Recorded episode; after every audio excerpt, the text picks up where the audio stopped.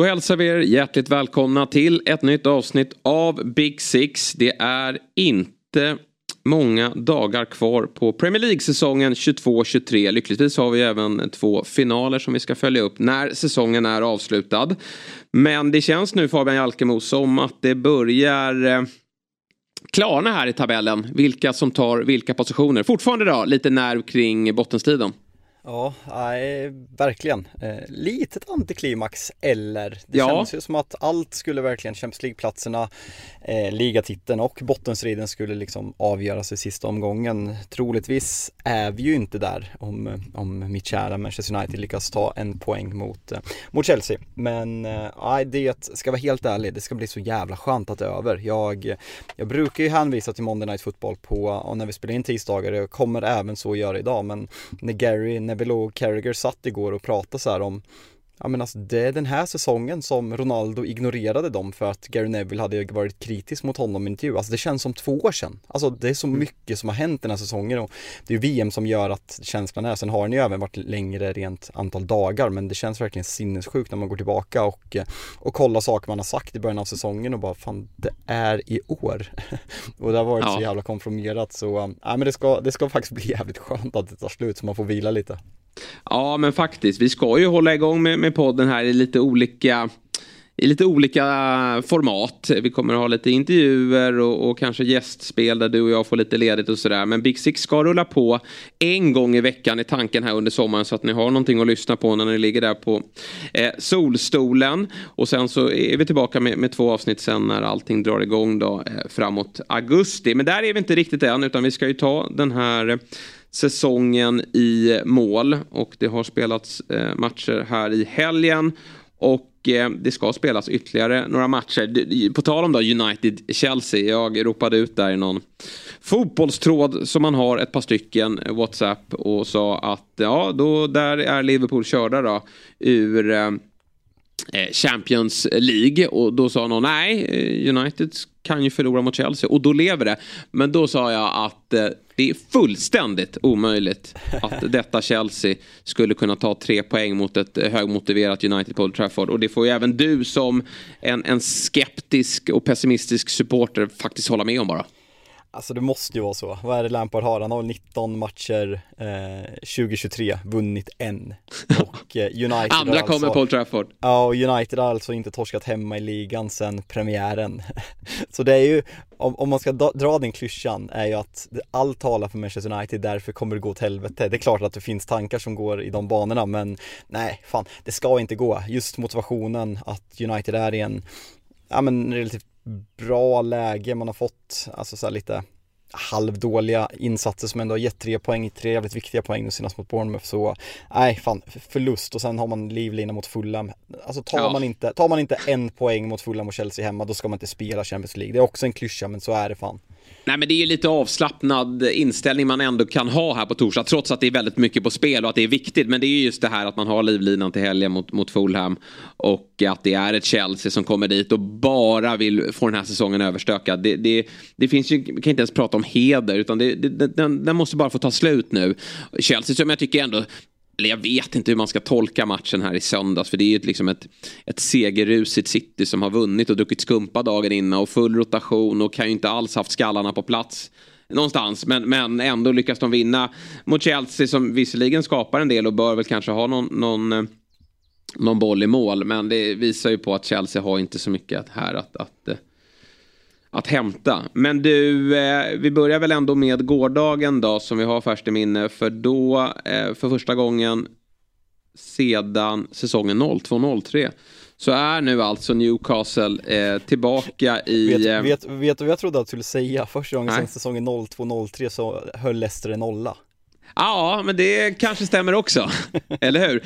Trots, det är så sjukt med den nollan också, är att målvakten gör en dålig insats. Alltså, den här Iversen, ja, eh, alltså hade Leicester, det har vi ju sagt tidigare i den här podden, men hade Leicester bara tagit målvaktsfrågan på allvar så hade man ju säkrat det här kontraktet för två, tre omgångar sedan. Ja. Man hade inte gjort någon supersäsong. Men, men, bara om man hade gjort som Nottingham Forest som hade Dean Henderson i, i, höstas och eh, Navas här under, under våren. Hade eh, Leicester förstått allvaret där och inte haft två pajaser som har delat på, på målvaktspositionen. Det är klart att Iversson har gjort några spektakulära värvningar här under, under våren sen han fick chansen eh, från, från Danny Ward och, och, så. Men, men som helhet är han ju en, en svajig, osäker målvakt och man förstår ju varför eh, den där backlinjen som kanske inte heller håller högsta klass. Men man förstår varför den är skakig ibland när man ser Iversens eh, hänga tvättingripanden.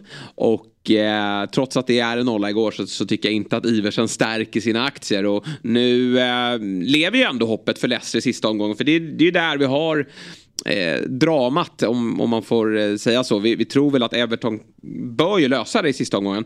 Men eh, är det som så att eh, Everton tappar poäng då räcker det ju för Leicester att vinna Eh, Eh, mot West Ham som inte har någonting att spela för.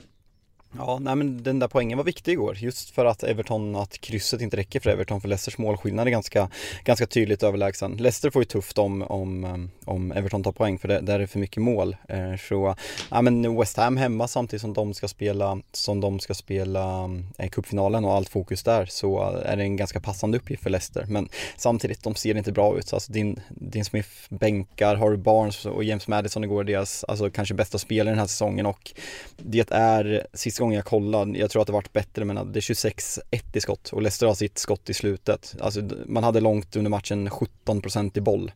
Är det här ett vägvinnande sätt för att hålla sig kvar i Premier League om man ska möta West Ham på, på hemmaplan sista omgången? Jag, jag har svårt att tro det. Ehm, det här är väl en insats, alltså så här, poängen blir bra men det är bara tur om vi ska vara helt Ja, verkligen. Det är inte så att man lyfter på hatten för, för Leicester här. Det är ju helt otroligt att den där bollen inte vill in utan jag lyfter snarare på hatten för Newcastle som, som gör en riktigt bra match tycker jag. De, de, de trycker ner Leicester fullständigt. Sen är det ju kanske för Newcastles del då eller jag vet inte. Det, det, jo, men hade Leicester haft sin vanliga. De ändrar ju spelsätt igår. Harvey Barnes och Madison hamnar lite förvånande på bänken. Inte för att de har varit bra mot slutet utan för att de eh, är ändå klubbens stjärnor och, och kan ju någonstans kanske göra skillnad. Men de har ju verkligen varit svaga. Så att han går över till någon, någon form av 5-3-2 här då.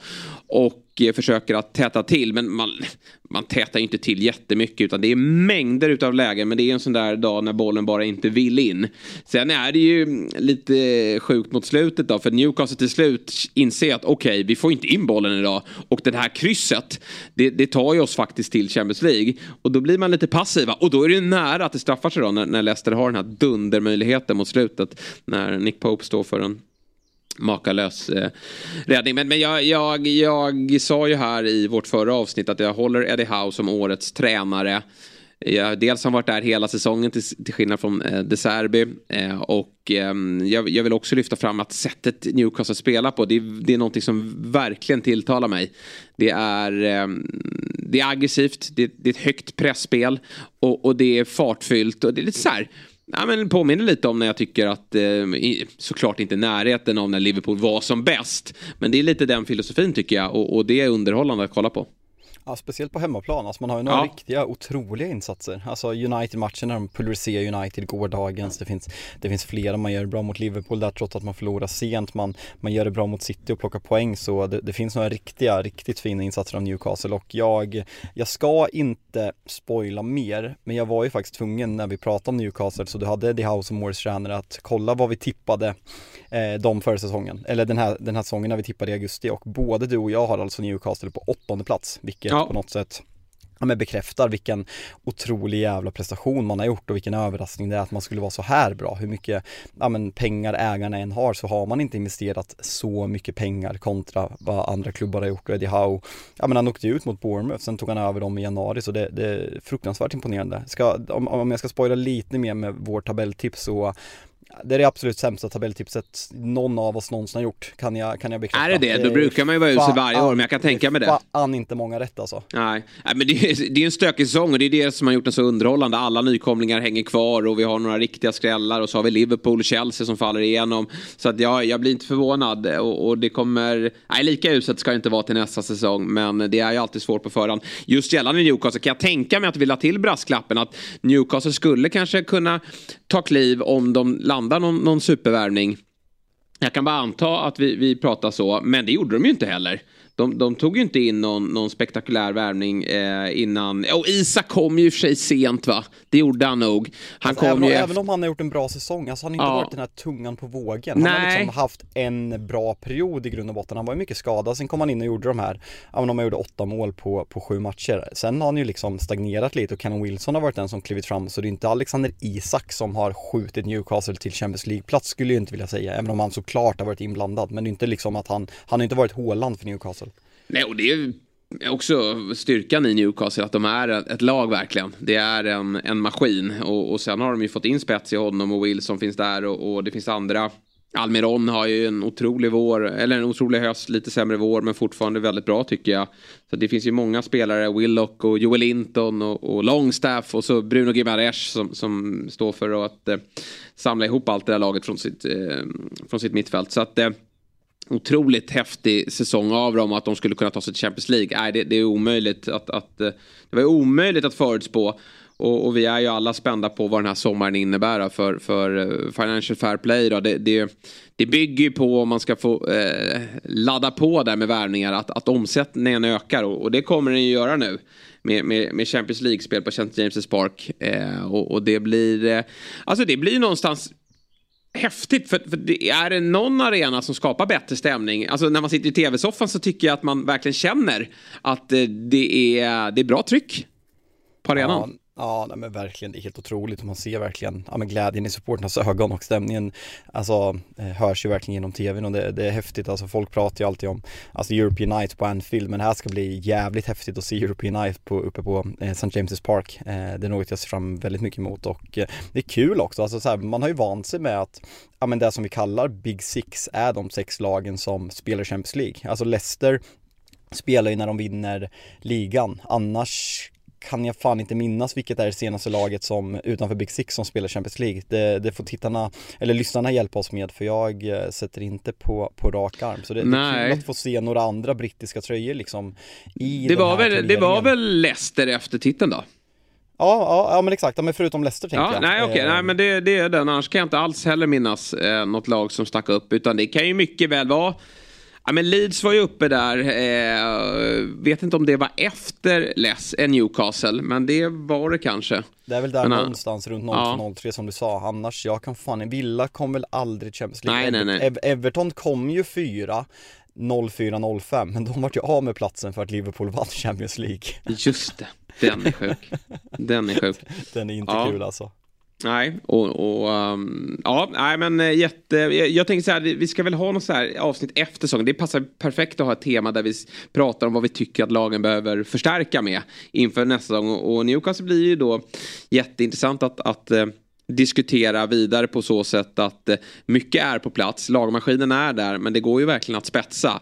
Och eh, det ehm, det tror jag att Eddie Howe eh, välkomnar och i synnerhet då. Nu kan han ju också känna att många av de här spelarna eh, får vara beredda på att nu ska det spelas fler matcher. Och, och då behöver man ju en, en, en, bredare trupp också, inte bara spets. Så att, eh, ett, ett spännande fönster som, som väntar där. Då. Eh, och Leicester då, får ju se hur de nu tar sig an West, West Ham då, i, i nästa omgång på så sätt att jag tror att de går tillbaka till att spela mer offensiv fotboll för att det där höll ju igår då, med, med eh, stor portion tur.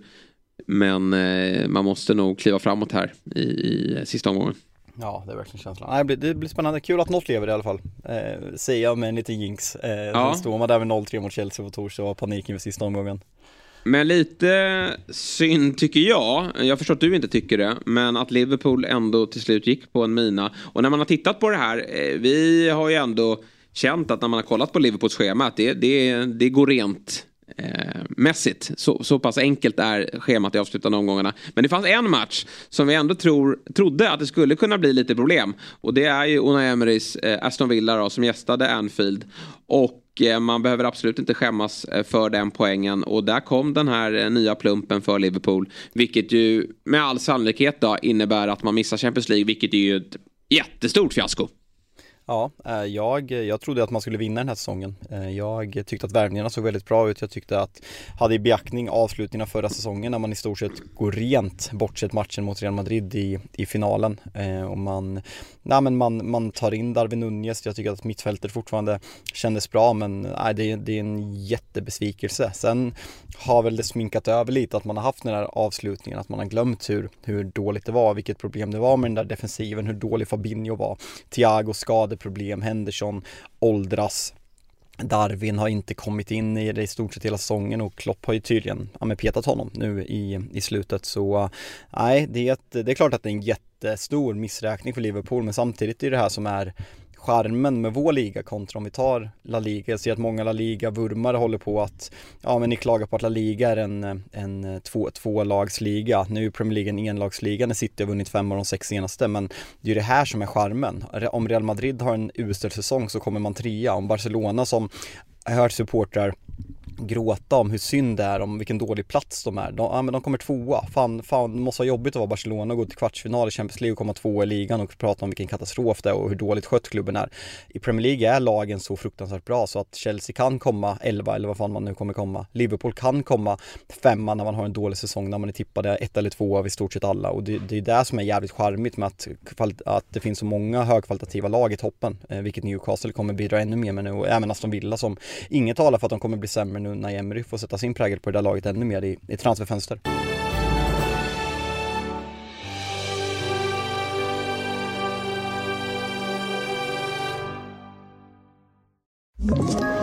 Ett poddtips från Podplay. I podden Något Kaiko garanterar östgötarna Brutti och jag, Davva, dig en stor dos skratt. Där följer jag pladask för köttätandet igen. Man är lite som en jävla vampyr. Man har fått lite blodsmak och då måste man ha mer. Udda spaningar, fängslande anekdoter och en och annan arg rant. Jag måste ha mitt kaffe på morgonen för annars är jag ingen trevlig människa. Då är du ingen trevlig människa, punkt. Något Kaiko, hör du på Podplay. Därför är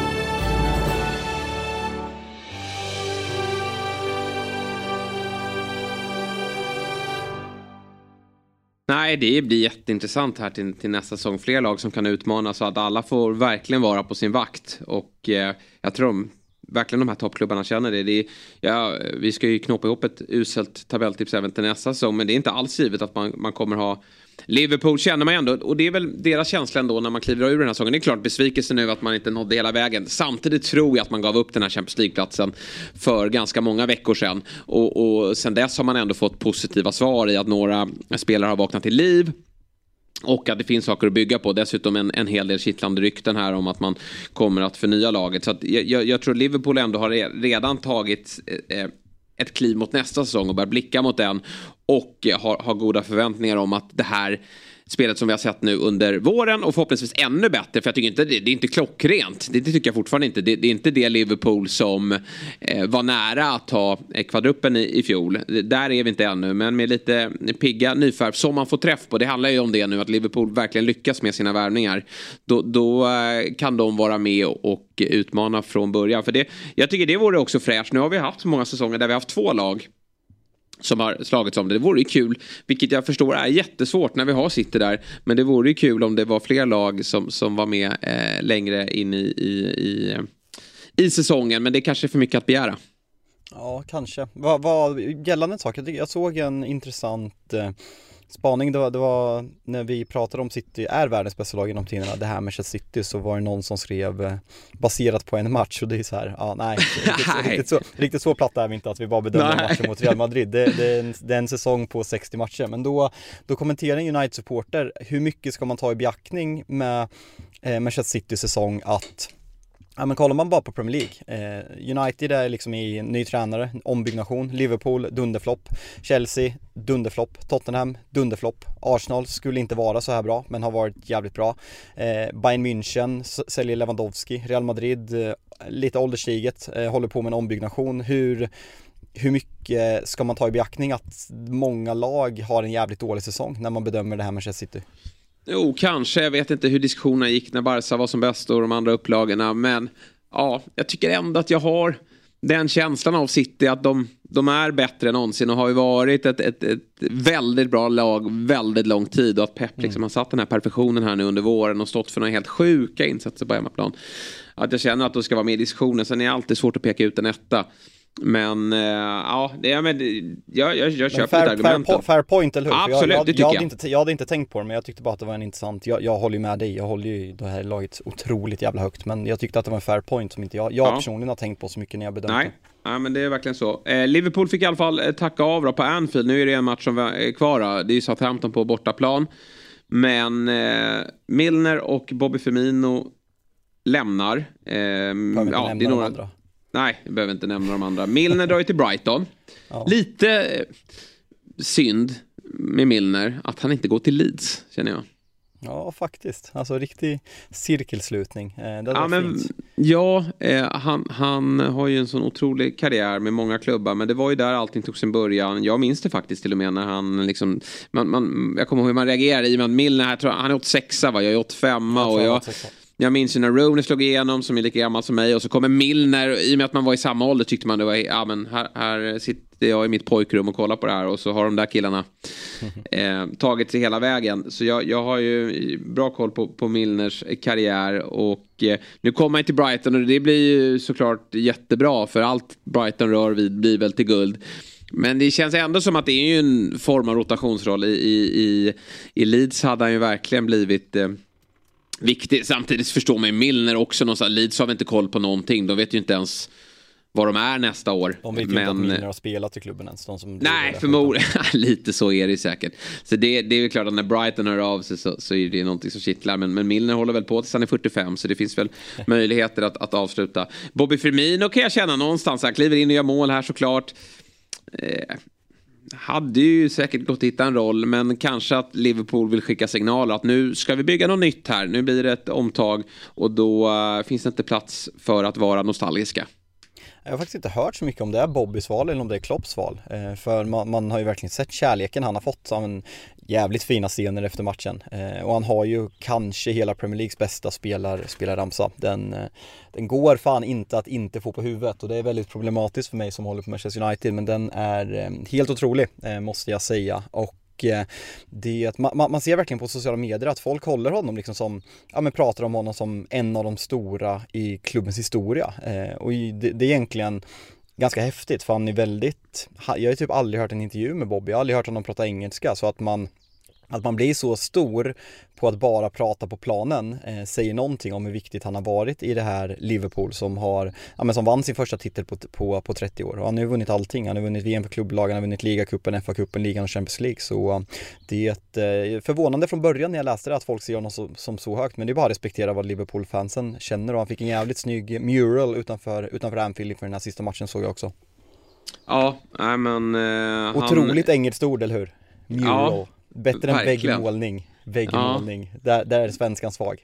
Mm, det får man säga. Eh, och lättare att säga än Paratici va? Kantboll på det. Men ja. ja, Bobby Firmino hyllas med all eh, rätt. Han har ju liksom eh, varit med hela vägen eh, med Klopp då och eh, förvandlat den här klubben det finns säkert Premier League-intresse. Jag kan tänka mig så här, det finns andra klubbar där, men så här Aston Villa och West Ham, men, men, det finns nog mer exotiska klubbar för honom då. Och kanske bäst att han lämnar Barca eh, alla, alla som är gratis va? Ja, precis. Det är så man eh, jobbar. Han och Messi får kliva in där då. Eh, men svagt att ta på eh, att inte vinna den där matchen och eh, ge oss lite eh, Champions League-när. Vad säger du om United då? Eh, jag gästade faktiskt eh, United-podden ehm, innan, innan den här matchen och jag, min spaning på den här matchen var att det skulle vara extremt krampaktigt men att vi vinner med 1-0. Så jag slog mig för bröstet och räknade hem den. För det var exakt vad det var. Eh, släpper till några chanser, David de Gea säkrar guldhandsken. Hur, hur fan det nu har gått till vet jag inte. Eh, men vilket säger något om hur starka vi har varit på hemmaplan och hållit många nollor. Men vi, vi ska ju vinna den här, alltså Bournemouth är ett ganska begränsat fotbollslag men återigen så återvänder jag dit att spelarna är för dåliga i avslutslägen. Martial, Anthony, Jadon Sancho, de, de är inte tillräckligt bra för att starta match ut och match in på den här nivån.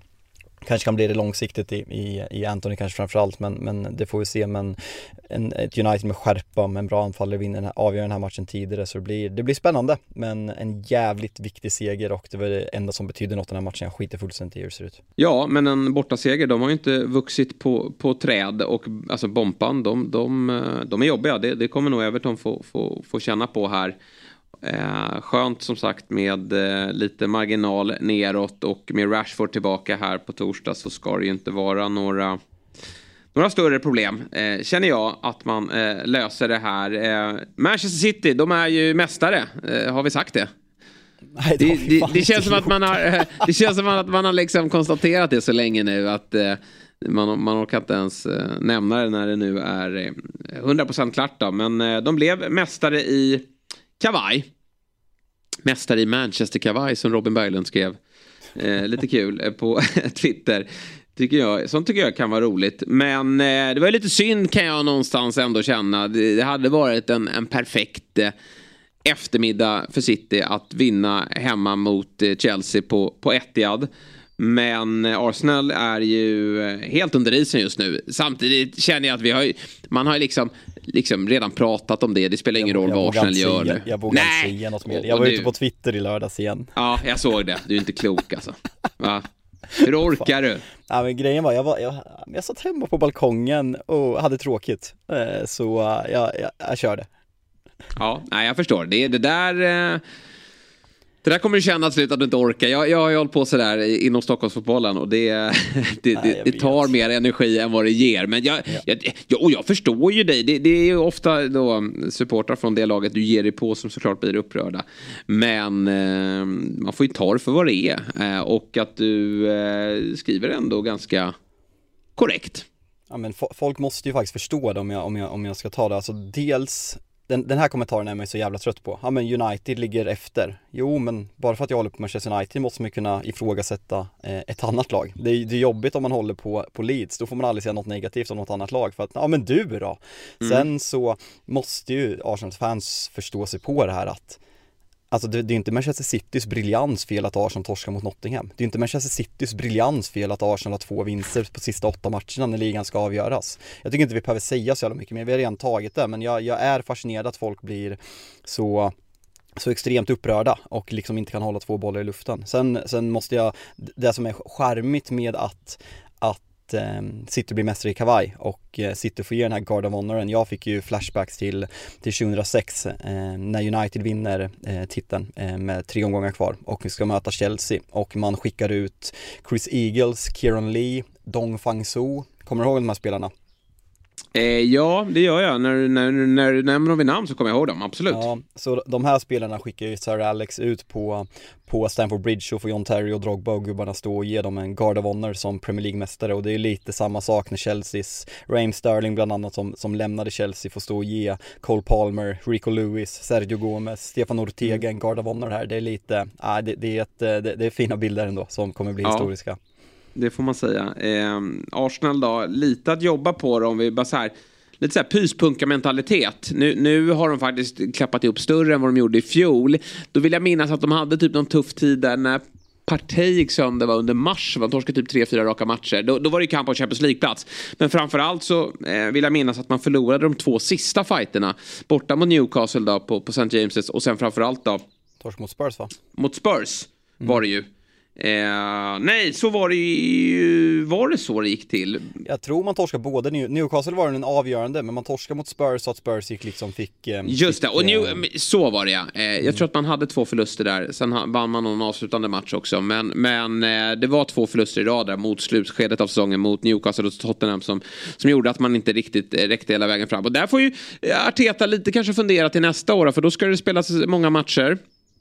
Och han har ju pratat om att de här spelarna ska klara av att spela. Sala ska, nej, Saka ska bli vår Sala som orkar spela allt. Men kanske att de inte riktigt har orken för det och att man får nyttja lite, lite större rotation då för att ha ja, orka med det här Premier League-maratonet som, som eh, ändå existerar. Mm, ja, det blir kul. Eh, ska vi ta den när vi pratar Arsenal? David Ornstein skrev i sin måndagskolumn på The Athletic att eh, ja, men Declan Rice är första valet men känslan är att man kan få ganska hård konkurrens där. Alltså West Ham vet att det finns en konkurrens och pratar 90 miljoner pund för en spelare med ett år kvar på kontraktet och det pratas om Manchester City. Det skulle vara en perfekt ersättare om Gündogan lämnar exempelvis. Det pratar lite om Manchester United, det pratar lite om Chelsea men framförallt huvudspåret är, är Arsenal då. Och sen kom det ut, jag har faktiskt inte läst att det har varit så aktuellt tidigare men att man kommer gå ganska hårt på, på Mason Mount som fortfarande har en ganska Oj. oklar kontraktssituation med, med Chelsea. Att han är väldigt högt upp på Arsenals önskelista och även att man är väldigt intresserade att höra av sig till Ilkay Gündogan som alltså har ja. utgående kontrakt. Jag såg det. Mm. Så de tre spelarna är Arsenals huvudspår enligt David Ornstein och eh, David Ornstein är väl facit gällande sådana här saker. Alltså Romano har sina here we go men när det gäller inside på brittiska övergångar och, och dylikt så är fan David Ornstein etta. Och det är väl klart att eh, Arteta vill ha Gündogan och jag kan inte nu är han ju visserligen 33 här i höst, men jag kan inte komma på en bättre värvning. Alltså, alltså, alltså realistisk värvning. Ja, nej men två års kontrakt på det. Varsågod, här är Xhaka-rollen. Eh, du eh, kör precis som du har gjort i, i City bara. Fast här är du ännu mer omtyckt och en nyckelspelare. Nej, det är, det är en otäckt bra värvning. Och, och, Mason Mount, ja det är inget roligt år han lämnar bakom sig, men det är klart att det går att väcka liv i honom. Och eh, hitta en roll där. Eh, och sen, eh, vem nämnde du mer? Declan Rice, ja, det, är, det är verkligen centrala spelare. Det är, det är tydligt i alla fall då, vad man vill förstärka och jag tycker att det låter ganska logiskt.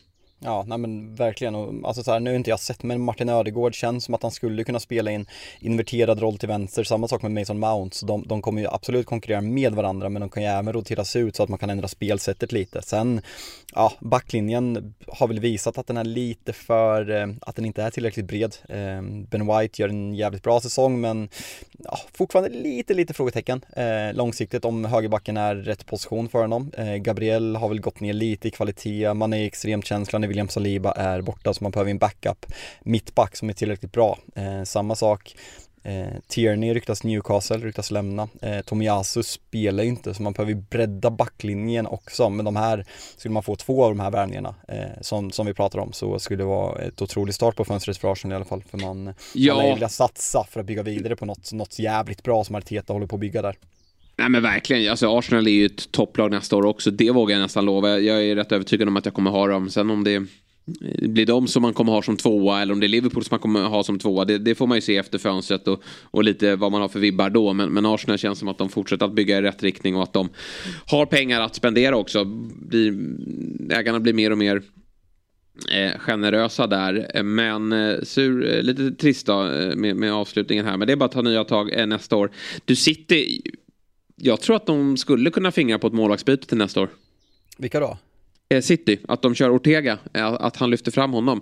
Jag tycker att han eh, varje gång han får chans att visa att han är bra. Och Ederson, ja, han har sina fötter men så rädda bollar är han ju sämre på. Ja, men är inte det det enda Pep bryr sig om då?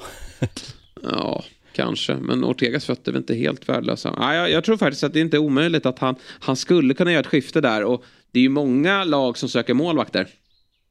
Ja, alltså det, det, finns ju, eh. det finns ju pengar att hämta där om man, om man ja. skulle vilja det. Sen är, sen är jag svårt att tro för Pep, han känns jätteviktig. Sen är det ju, han släpper in mycket mål. Han är bara, mm. han, är, han är 29 år, han fyllde 30 i augusti, Ederson. Eh, men man ser ju liksom den här rotationen, att han roterar målvakt. Det var ju en match som betydde verkligen mycket att han gjorde det. Eh, och att Ortega står nu mot Chelsea tyder på att han minst kommer få en av de två avslutande matcherna också. För man möter väl Brighton nu midweek och sen så avslutar man mot Brentford så han lär nog få en av de matcherna också men har gjort det jävligt bra när han har fått chansen i år.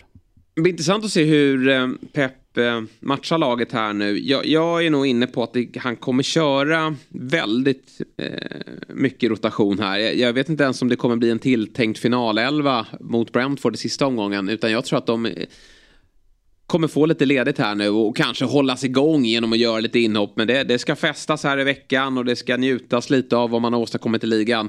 För att sen då ta kliv mot den här finalen som ju också blir ju, det är klart att Champions League-finalen betyder ju mest. Det, det är ju inget snack om saken. Och, och, då får man ju ett ganska bra genrep då till den. Man ser fa Cup-final som ett genrep. Men det blir ju lite så, där kommer ju elvan. Jag är rätt övertygad om att han kommer Pep kommer spela samma elva i, i båda matcherna, tror inte du det? Jo, det, det, det tror jag faktiskt. Eh, och eh, men det, det är så jävla svårt. Jag trodde ju på något sätt att Chelsea, eller att City skulle, för jag, jag vet ju så här historiskt sett, jag kommer ihåg Liverpool när de hade någon, någon lucka eh, någon gång och åkte på så här något eh, varm, varm, varmläger för att liksom få den där träningen att liksom, ja men ta tio dagar när man inte spelar match på när man hade åkt ut FA-cupen eller någonting. Och det känns ofta som att lag kan bli sämre av de där tio dagars pauserna.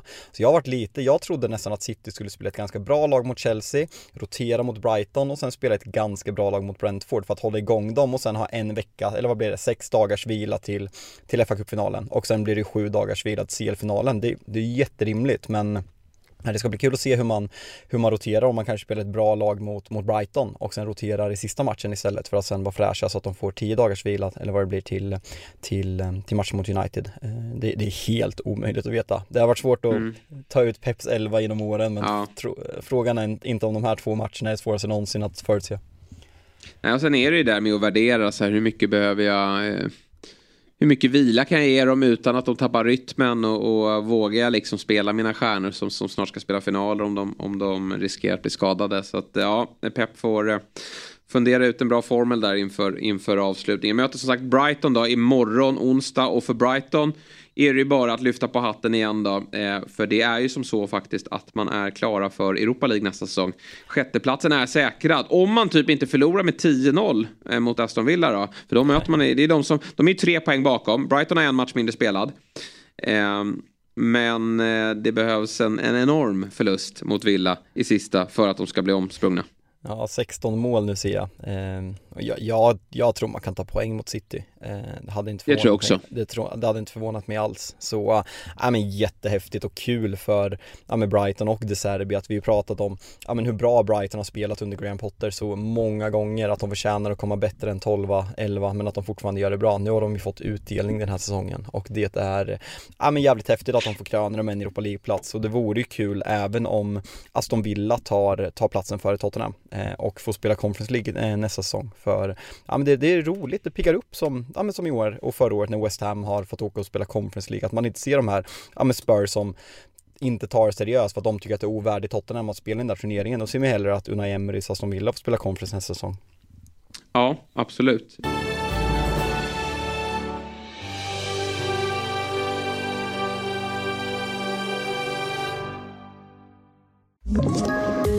Poddtips från Podplay.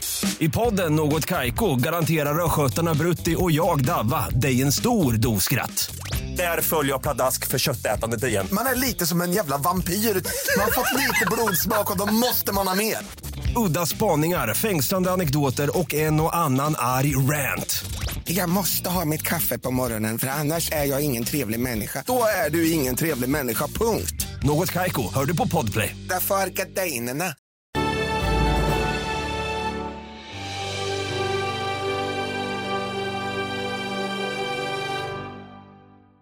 Tottenham då, detta sorgebarn. Ja, de spelar ju... Alltså. Eh, Vilket rövgäng. De skulle ju kunna spela Conference League eh, nästa år då, men eh, det är väl ingen idé att de ska göra det känner jag. Det är väl bättre att skita i det. De torskar mot Leeds i sista. Men eh, där händer i alla fall grejer nu då. Eh, gällande tränarposten och det har ju spekulerats kring väldigt många namn. Och jag vet inte om de här ryktena är helt hundraprocentiga men det, det verkar ju som att man gör som United här. Och blickar mot Holland. Och Arne Slott, vad har vi på honom? Nej, inte jättemycket. Nej. Bra namn, bra namn. Ja, verkligen. Och kanske, man har inte hört något om han är dålig på engelska. Det fick man ju höra hela tiden på, på, på Ten Hag. Men då kanske han kan det. Men, men eh, kollat upp honom lite. Det är ju lite av en, han har inte en jättelång tränarkarriär. Han har en lite så här smådeppig spelarkarriär. Eh, spelar i lite dåliga klubbar i, i eh, Eredivisie. Sen blev han eh, tränare i AZ. Jag tror han först var assisterande och sen huvudtränare där. Och han fick sparken för han hade skrivit på ett kontrakt med Feyenoord. Där det har varit succé faktiskt. Eh, han har gjort det ruskigt bra där. De, eh, för de som missat då så vann man ju faktiskt ligan i år. Och det är ju någonting som sticker ut att vinna den där ligan får man säga. Mm. Med tanke då på att eh, det är eh, alltid, det står nästan alltid mellan PSV och Ajax. Sen är Feyenoord precis bakom där. Det var väl Eh, man har ju vunnit ligan hyfsad i närtid, men jag tror det var en 6-7 säsonger sedan man vann. Men eh, det är en galen säsong man gör. Man har alltså 10 poäng ner till tvåan PSV. Eh, 25 eh, vinster, 7 oavgjorda, en förlust. Det är, ganska, det är ganska bra jobbat. Det är ju liksom så här, det är City-siffror. Och eh, målskillnaden 81-29. Så att, eh, Arne, och han tog dem ju dessutom till eh, det var Conference League-final va? Eller var det Euro... Man, Nej, Conference, Conference League. Conference League, precis. Mm. I fjol. Eh, så att han har på kort tid gjort det väldigt bra och nu då verkar det som att han är högst upp på, på Spurs lista och kanske att man har fått lite lite blodad tand för just den typen av läsning då eftersom att United ändå fått ganska bra träff på sin. Ska, skalliga galna holländare. Ja, precis. Ja. Eh, nej men det här eh, är väl kul med ett nytt namn och inte bara de här gamla, eller gamla men, men eh, det är roligt med någon, någon med nya influenser. Vadå, hade det inte varit pikt om de körde Mason eller? Eh, nej. Vem då? Mason? Ryan. Jaha, det är liksom inte ens, han har honom inte ens i min skalle att det skulle kunna vara aktuellt. Nej du, Nej. Eh, han, han, eh, han ska de inte satsa på. Men han, han borde däremot, tycker jag, liksom ta sig till någon Championship-klubb. För det, det verkar som att... Ja, Ja men exakt, det, det, det, gör så nu. Bränn dig inte här nu att kliv på någonting. Om han än, jag tror inte han får frågan, men om han skulle få frågan ska han ju tacka nej till och med.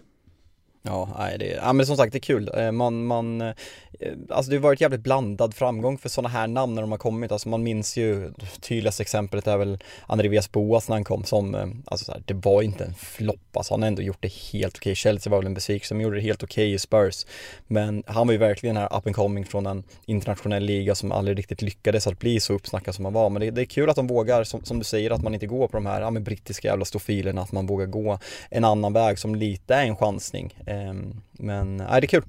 Ja, och det är även diskussioner då med ny sportchef här. Det är lite olika namn. Där är man inte lika... Hoppas inte Där finns det inte lika... Vad sa du? Hoppas det inte lika svårt att säga. Jo, du har en här. Tim... Eh, eh, nej, jag vågar inte ens på andra, eh, efternamnet. Eh, Staten. Eh, och det, det, är garanterat fel då. Men eh, Lee Dykes har vi väl redan nämnt här i, i podden. Och sen är det tydligen Romas eh, Thiago Pinto. Eh, sportchef ja. där borta. Ja, eh, som, som är aktuella. Så att eh, det, det rör på sig Spurs och där såg jag att Kane uttalar sig också att ja, det är lite så här luddiga uttalanden. Man inte riktigt vet om han blir kvar eller inte. Men ska sätta sig ner med klubben och höra var ambitionerna ligger. Och eh, jag tror Harry Kane att, ja det är klart att du vill ha en bra omgivning men du får nog ge, alltså så här, du kan nog inte gå in med inställningen att det här är ett lag som kommer att utmana om titlar eh, i, i, den närmsta tiden. Och vill du vinna titlar, om det är, så här, om det är fortfarande det som du strävar efter så, så får du nog lämna va? Harry Kane får ju bestämma sig. Alltså vill han bli ja. Tottenhams bästa spel inom tiderna. Han, jag säger, jag säger det här och nu, alltså han kommer inte vinna Champions League eller ligan i Tottenham. Och jag sticker, jag sticker absolut inte utan haka här, men de har ju Nej, på den nivån att man har kunnat ha chans på det. Eh, jag såg att både du och jag tippar Tottenham trea faktiskt inför den här säsongen, oh. vilket, vilket tyder på vilket ja, men dunderfiasko det här är. För man, man slutar på Champions League och man gjorde bra värvningar i Perisic, Conte skulle få en hel säsong, man får in Richarlison, men det, det, det är en dunderflopp Tottenham den här säsongen. Men alltså så här, kan han nöja sig, kanske en fa titel en ligacuptitel och bli störst i Tottenhams historia? Ja, stanna. Vill han vinna titlar? Ja, sen, sen är ju det vi har pratat om, United känns som det mest troliga alternativet, United eller Bayern München. United är han inte garanterad om nästkommande fem eller fyra åren hur länge han nu har kvar på högsta nivå att vinna ja, men någon av de största titlarna. Så det, det är något som Harry Kane får gå till sig själv och känna vad, vad han känner. För det här Tottenham är jävligt långt ifrån att vinna något just nu. För det är en sorgligt truppbygge, jag är ledsen att säga det. Ja, så är det verkligen. Eh, det behöver förstärkas. Och en spelare som verkar vara aktuell för Premier League, inte just i Tottenham då, men det är ju Neymar. Som eh, enligt eh, L'Equipe då, eh, största franska tidningen, har eh, påbörjat förhandlingar med två Premier League-klubbar i form av Chelsea och Manchester United. Va, vad ger du för de här ryktena? Eh, alltså till att börja med, jag, eh, jag, Neymar är en fantastisk fotbollsspelare när, när han vill, men eh, det är typ den spelaren jag Alltså det är typ den spelaren jag minst kommer till Manchester United i hela världen. Eh, för han är ett virus. Jag, jag, om man vill vinna titlar ska man inte ha Neymar i laget för att han, han spelar för sig själv. Han, han är borta så stora delar av säsongerna och det var, det var med en riktig relief när Mark Ogden på, på ESPN skriver att eh, Manchester United aren't pushing a deal for Neymar, not the current regime anyway. Eh, och då bara så här, tack. Tack. Det är, så mm. känslan är ju bara att det här är en ekip som vill använda Manchester United och kanske även Chelsea för att liksom få upp priset på Neymar som eh, men mycket talar väl att han kommer lämna. Sen är frågan är hur högt håller man Neymar nu? Vilken klubb ska ta honom för den summan han kostar, framförallt lönekostnader eller han är 31 30 år. Alltså kan man tänka sig, kan det bli Saudiarabien? Kan det bli Brasilien redan nu? Han har tjänat sina pengar. Känns han så hungrig och besatt av att bli bäst som Ronaldo och Messi eh, som har stannat så länge och vill att slåss på högsta nivån, likt Zlatan? Ja, jag har svårt att se det. Det hade inte förvånat mig om Neymar går till någon, ja men Gulfstat eller flyttar hem till Brasilien och eh, käkar chimichurri och, eh, och dricker bärs. Mm, nej, det är väl inte omöjligt. Jag hoppas ju dock att vi får se honom i Premier League. Sen förstår jag verkligen att alla klubbar har lärt sig. Det är klart att det finns en lockelse där. För det, vi pratar fortfarande om en av världens bästa fotbollsspelare. Men United då, som nyligen gjort sig av med ett virus i truppen i form av Ronaldo. Att, att ta in en ny, ett nytt potentiellt virus i, när man liksom börjar bygga saker och, och formera ett lag. Det, det hade varit idiotiskt. Sen är det ju också dessutom på en visst, han kan ju spela lite mer centralt också. Men det är ju på en position där ni vi pratade om Sadio Mané, han är också kanske, eh, han vill ju utgå från vänster och där, där har ju ni bra täckning. Chelsea borde ju ge fan i och bry sig också då om, om Neymar. De, de, de behöver göra sig av med spelare och, och försöka skapa ett lag av det man har. Men jag förstår att Bowl är intresserad. Det, det är klart att det där är en, en värvning som han ja, eh, gärna... Ja, ja. Verkligen. Det, det var inte han så... i Paris på någon match eller? Typ mot, eh, var inte han och kollade på typ PSG, Bayern München? Tror han var där? Lite förhandlingar kanske? Ja, det är väl inte otänkbart. Nej men jag, jag blir inte alls förvånad om man, om man dyker upp i, eh, i Hoppas. Eh, Chelsea. Det hade varit häftigt. Men vilken klubb skulle kunna ta honom då? Alltså, vad, vad, skulle han passa bäst? Förutom det uppenbara att han skulle vara bra i City, men, men vad? Ja du, ja, ja men typ Chelsea, alltså Chelsea vet man ja. inte vad, vad, det är för Nej. lag. Alltså man vet ju inte vad det är för, det, det, det är ingenting. Men Newcastle säger väl? Ja, absolut. Fast det känns som fel steg för dem. Ja, Ja, men de ska spetsa det här laget och... och Han passar ja, i Chelsea, där är alla som honom, det är passande. passande. Mm. Ja, vi får se hur det blir då. Ja, det, det mm, för, för toppstiden då. Vi kan väl, eh, ja, det har ju blivit som vanligt då, eh, lite fram och tillbaka i avsnittet. Men, men vi har en spännande bottenstrid till helgen. Den får vi väl prata upp mer då i, i, i vårt eh, avsnitt i slutet på veckan här då. Men eh, Everton lyckades lösa en kvittering mot Wolves. Och den eh, poängen... Jo, den är viktig faktiskt. För eh, det skulle kunna vara så att om man... Om till exempel Leeds och Leicester kryssar. Eh, då, då hade Everton vid förlust åkt ur. Ja. Nu skulle man... Ja, det var lite viktigt den här poängen, men framförallt så hade man ju behövt vinna. Men nu är det jobbiga för Everton, det var ju faktiskt att Leicester tog en poäng igår. För nu klarar man sig inte på krysset. Nu måste man vinna mot Bournemouth om Leicester vinner sin sista match. Man borde ju vinna, men samtidigt, ja. Evert Everton är dåliga. Alltså riktigt dåliga. Eh, ja, det är de. Bournemouth har kunnat störa och Alltså man vet ju inte, ett lag som Bournemouth känns som men att de skulle tycka att det är kul att en, en klubb som Everton åker ut och liksom sabbar festen på, eller så, sabbar festen, det blir ingen jävla fest på Goodison hur den går. Men Nej. alltså för, förstöra eh, för dem. Eh, så det här känns ju verkligen inte klart. Sen är det klart, Everton borde vinna det här, men eh, man är Ja, men hur många matcher har Everton vunnit där man borde vinna? Nej, alltså det... matchen, matchen mot eh, Brighton är ett freak result. Ja. Eh, alltså spela om den matchen tio gånger. De är alltså, oh jävlar, en, två, tre, fyra, fem, sex, sju, åtta, nio, tio. En vinst senaste tio matcherna i ligan. Mm. Det är inte jättebra. Nej. Nej, och Bournemouth kommer dit, eh, vill förstöra festen, har en skön säsong, kan ju klättra i tabellen också och göra Gör det riktigt bra på alla sätt och vis. De, eh, jag har inte sett några rapporter om Calvert Lewin, men han klev ju av eh, inför ja. den andra halvleken skadad. Och eh, det var ju, det är ju inte bra för han har ändå känts bra här på slutet.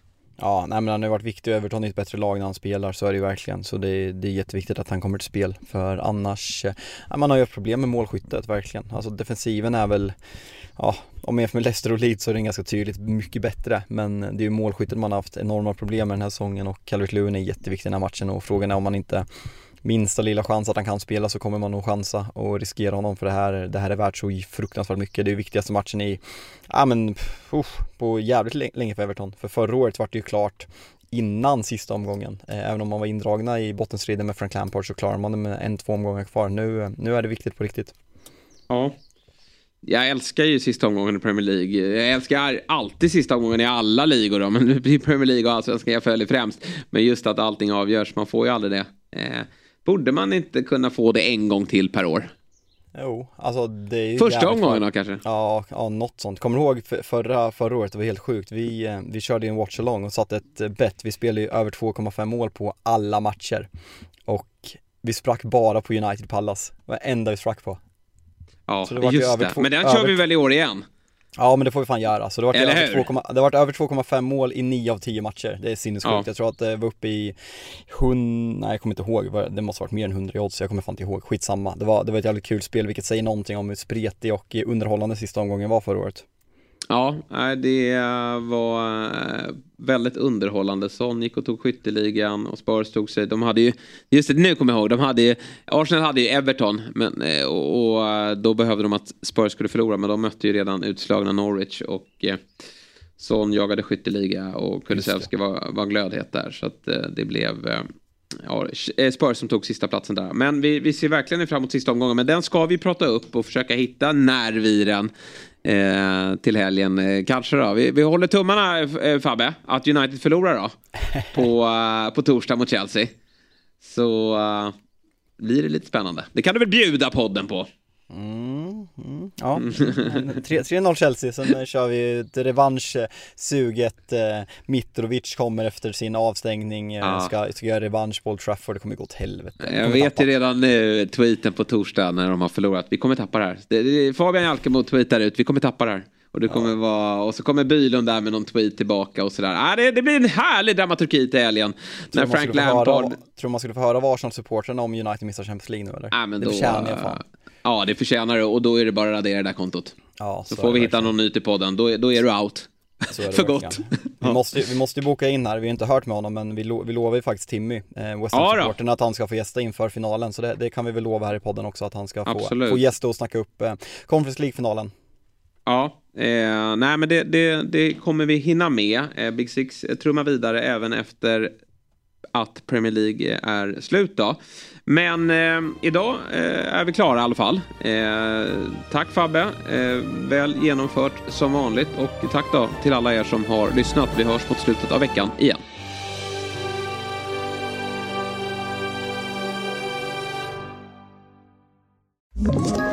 Ett poddtips från Podplay. I fallen jag aldrig glömmer djupdyker Hasse Aro i arbetet bakom några av Sveriges mest uppseendeväckande brottsutredningar går vi in med hemlig telefonavlyssning och, och då upplever vi att vi får en total förändring av hans beteende. Vad är det som händer nu? Vem är det som läcker? Och så säger han att jag är kriminell, jag har varit kriminell i hela mitt liv men att mörda ett barn, där går min gräns. Nya säsongen av Fallen jag aldrig glömmer på Podplay.